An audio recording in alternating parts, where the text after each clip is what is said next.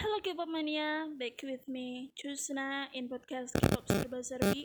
So this is a special episode because I didn't want to share about any K-pop matters, but I want to share about my personal experience about English. It's, it is not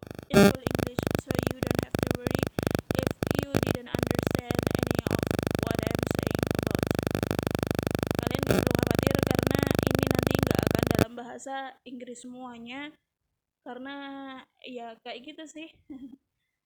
Aku cuma pakai bahasa campur-campur bukan karena apa, cuma I feel excited about getting better in English. Jadi aku dua minggu lalu aku ikut uh, tes TOEFL ITP and I got unexpected result. Jadi skorku baru keluar aja kemarin itu sekitar 557 yay it's pretty high for me actually. Even though I coming from one of most famous university in Indonesia. Big, uh, 550 itu actually it's pretty decent untuk uh, standar bahasa Inggris. Tapi kalau di kampusku itu kayaknya masih dalam level standar deh ya. Tapi aku seneng banget dapat skor 557 itu aku seneng banget karena I feel underestimate about my capability in English actually. Uh, I do practice a lot when I was in college. Jadi aku kuliah selama lima tahun itu aku grew up gitu loh bahasa Inggris gitu kemampuan bahasa Inggrisku. Aku pertama kali masuk UGM itu kan ada tes ASEP ya itu aku dapat skor sekitar 152 kalau nggak salah waktu itu dua tahun 2014 dan itu kalau di convert ke TOEFL itu hanya sekitar 300 sekian. Jadi kayak practically all of my answer is wrong. Dan padahal waktu itu aku masuk masuk kuliah itu aku cukup pede dengan kemampuan bahasa Inggrisku. Dulu waktu di Aliyah itu cukup cukup lah cukup basic basic conversation itu aku ngerti gitu loh kalau ada teks surungnya kayak gitu aku ngerti semua apa yang dimaksud tapi begitu masuk kuliah wow skorku cuma 300 dan itu means nothing. Means kayak kayak semua jawaban aku itu salah kayak gitu. And I started to take a course baik di dalam maupun di luar kampus. Waktu itu di dalam karena skorku masih di bawah rata-rata itu aku wajib uh, ikut pelajaran bahasa Inggris mata kuliah bahasa Inggris. Tapi di samping itu aku juga ikut kursus bahasa Inggris. Waktu itu di rumah Inggris Jogja. Tapi kursusnya itu cuma sekitar dua minggu atau dua bulan gitu. Murah banget cukup 200 ribu kalau nggak salah waktu itu. Dan aku dapat uh, paket kursus lengkap mulai dari speaking mulai dari grammar sampai writing aku dapat semuanya. Tapi somehow karena jarang dipraktekin terutama untuk writing mungkin itu menguap juga sih jujur aja. Dan uh, salah satu alasan kenapa aku harus ngambil kursus bahasa Inggris atau mata kuliah bahasa Inggris karena kalau di jurusan aku nggak tahu kalau di jurusan lain sama di fakultas lain itu kayak 99% of textbook itu harus itu pakai bahasa Inggris jadi Iya mau nggak mau kalian terexposure pakai bahasa Inggris, baca buku bahasa Inggris terus menerus selama kuliah. Dan kalau kalian nggak punya kemampuan yang bagus atau kosakata yang banyak, maybe kalian harus mengeluarkan duit ekstra untuk cari buku terjemahan. Dan it's not really cheap, right? Wah, iya walaupun ada bacakan juga sih. Tapi kadang terjemahan itu terjemahnya aneh banget gitu loh, kayak gimana sih nggak make sense gitu mungkin nggak nggak semekanik kalau ter kayak terjemahan Google Translate tapi tetap kurang enak aja dibaca kayak gitu dan aku mulai merasa pede dengan kemampuan bahasa Inggrisku but somehow uh, aku ingin tahu kalau kemampuan aku tuh sampai mana sih. Akhirnya tahun 2019 aku ikut uh, tes bahasa Inggris preparation. Waktu itu sekitar kalau nggak salah biayanya sekitar 50 ribu. Di Alliance International salah satu mall pendidikan kayak gitu. Mereka nyebutnya mall pendidikan ternama di Jogja di situ ada banyak bahasa ada banyak kursusan gitu di Alliance itu. Dan tahu nggak skorku berapa TOEFL? 250 men. Itu aku nggak belajar sama sekali beneran nggak belajar. Cuma ya ikut aja ikut kursus saja. Nanti kalau skorku bagus berarti itu artinya aku nggak perlu ikut kursus tambahan. Kalau skorku jelek berarti aku harus ikut kursus kayak gitu. Dan ternyata skorku cuma 250 sekian. Langsung jadi mikir oke okay, aku harus ikut kursus. Dan itu terendah dari 50 orang yang ikut yang ikut tes TOEFL preparation pada waktu itu. Setelah itu aku ikut kursus di lembaga milik kampus di P2B FEB UGM uh, waktu itu biayanya sekitar untuk kursus selama 15 pertemuan 15 kali pertemuan itu 500 ribu udah termasuk tes tiga kali tes mingguan sama tes akhir itu 500 ribu. Kalau yang sekitar satu bulan itu 750 ribu udah termasuk tes tes tes. Dan karena uang aku juga melirit dikit banget itu aku cuma ambil yang 500 ribu. Tapi uh, masih worth it kok masih bagus. Um, kualitasnya nggak beda cuma nanti kalau di grammar karena skillsnya banyak itu banyak yang dikebut dan taralalala skor akhirku nggak mengecewakan sama sekali nggak mengecewakan karena ya dari 250 berubah ke 500 walaupun 500 lebih dikit itu itu it's like a magical moment for me. Really uh, really magical. Dan sejak saat itu aku cukup oh oke okay, kemampuanku lumayan nih bahasa Inggris kayak gitu.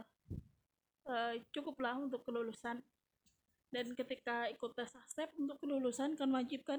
Hmm, itu kalau nggak salah skorku sekitar 250 seki 270 sekian. Dan kalau ditransfer ke TOEFL emang sekitar 503 sampai 513 dan itu tahun 2019 yang lalu. Uh, jadi gapnya sekitar 2 tahun. Hmm, buat kalian yang nggak tahu kalau TOEFL ITP sertifikat TOEFL ITP itu ngawetnya cuma 2 tahun dalam artian kalian selama 2 tahun itu uh, bisa aja banyak yang terjadi sehingga kemampuan bahasa Inggris kalian bisa aja menurun, bisa aja meningkat kayak gitu kan. Jadi I I decide to take another test this year. Tapi aku nggak terlalu pede. Jangan-jangan skorku masih di bawah 500. Untuk ambil yang ITP loh ya, untuk yang ngambil uh, official dari ITS-nya. Bukan yang preparation jadi aku ngambil kursus di Pare selama satu bulan itu sekitar biayanya sekitar 1,5 juta dan itu udah termasuk empat kali tes mingguan sama tes akhir kayak gitu kan dan selama beberapa kali tes mingguan itu skor gue itu swinging gitu loh jadi dari sekitar 533 sampai paling rendah 525 jadi range-nya itu nggak terlalu jauh nggak sampai ke 503 dari skorku yang awal. Di situ aku yakin lebih yakin lagi oh kalau dengan uh, range nilai segini insya Allah ATP ku nggak akan jauh-jauh dari 500 dari segini. At least kalaupun turun itu mungkin sampai 503 atau 500 pas kayak gitu. Mungkin kalau naik itu agak susah tapi bisa lah bisa. Akhirnya oke okay, aku mantepin untuk tes TOEFL ITP di Pare juga. Ada yang udah official ITS sekitar 525 biayanya belum termasuk ongkir sertifikat. Dan aku senang banget uh, karena aku dapat skor 557 itu un unexpected banget menurut aku ya. Karena ya dari swing 525 ke 533 aja menurut aku udah udah cukup Hmm, emang susah, emang target aku 550 sih sebenarnya. Tapi 530 itu sendiri menurut aku udah bisa lah untuk daftar LPDP kayak gitu. Mungkin nggak bisa buat daftar jadi diplomat, but at least bisa buat daftar jadi panitera akan selerai, panitia akan selerai gitu. Penata akan selerai. Intinya itu. Jadi ketika aku daftar ternyata alhamdulillah dapat 557 dan itu aku senang banget sampai kemarin memastikan berkali-kali mbak ini beneran skorku 557 kayak gitu ke artinya. Iya mbak beneran kayak gitu. Dan aku senang banget. Ya walaupun seperti biasa gramarku selalu paling bawah selalu terendah. Karena emang grammar itu susah dan I still working on it karena kalau grammar itu mau nggak mau kalian harus belajar nulis praktek. Kalau reading kan baca baca baca gitu. Kalau listening ya dengerin YouTube gitu. Insya Allah cukup lah asalkan dilakukan dalam waktu yang jangka panjang. Tapi kalau grammar ya praktek. Uh, praktek nulis bahasa Inggris kayak gitu. Kalau enggak ya menguap uh, rumus-rumusnya itu menguap kayak gitu hmm, mungkin kalian penasaran kenapa kok uh, aku fighting segitunya ikut kursus berkali-kali ikut tes berkali-kali buat bahasa Inggris? Tujuannya apa sih? Uh, I have no exact purpose to learning English but if you understand English you can write or you can speak you can read bahasa Inggris English. Banyak kesempatan yang akan terbuka buat kalian gak cuma uh, S2 di mana pun itu di Indonesia maupun di luar negeri. Tapi juga bisa daftar ke kementerian terutama kementerian yang mensyaratkan bahasa Inggris kayak Kemenlu.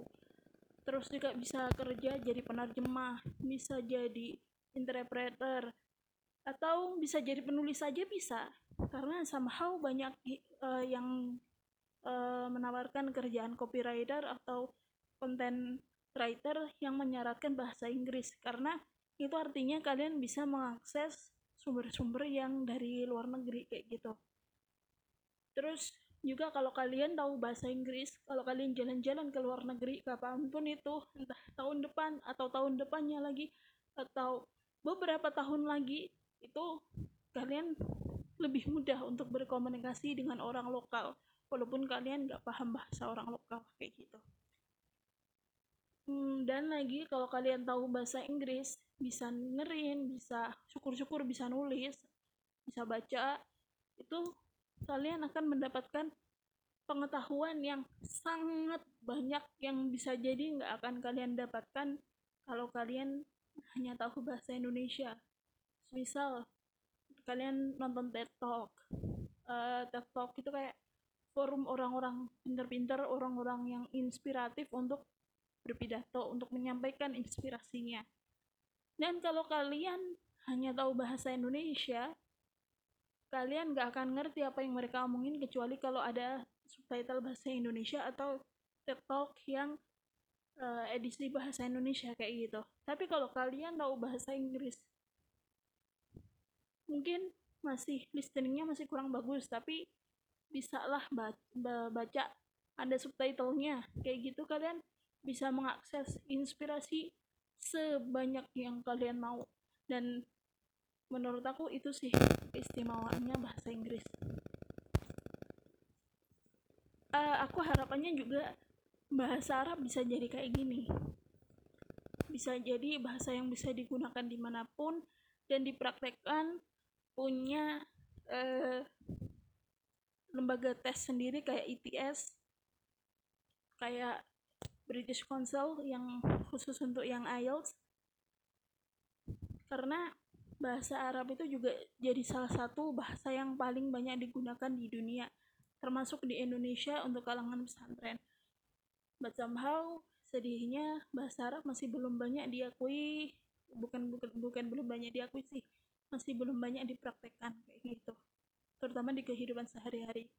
Aku pribadi jarang dengerin YouTube bahasa Arab itu jarang ya karena nggak tahu ya apa yang mau ditonton kalau YouTube bahasa Arab kayak gitu itu aja sih uh, I want to share my exactly a good experience about learning language.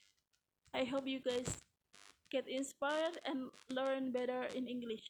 Oh ya, kalau kalian tahu bahasa Inggris, at least kalian bisa ngakses portal-portal K-pop yang ada di luar negeri. Portal-portal K-drama atau nonton drama cuma pakai subtitle bahasa Inggris, nggak perlu nunggu subtitle bahasa Indonesia. Ya kan? Ya kan? Oke, okay, see you. Bye-bye.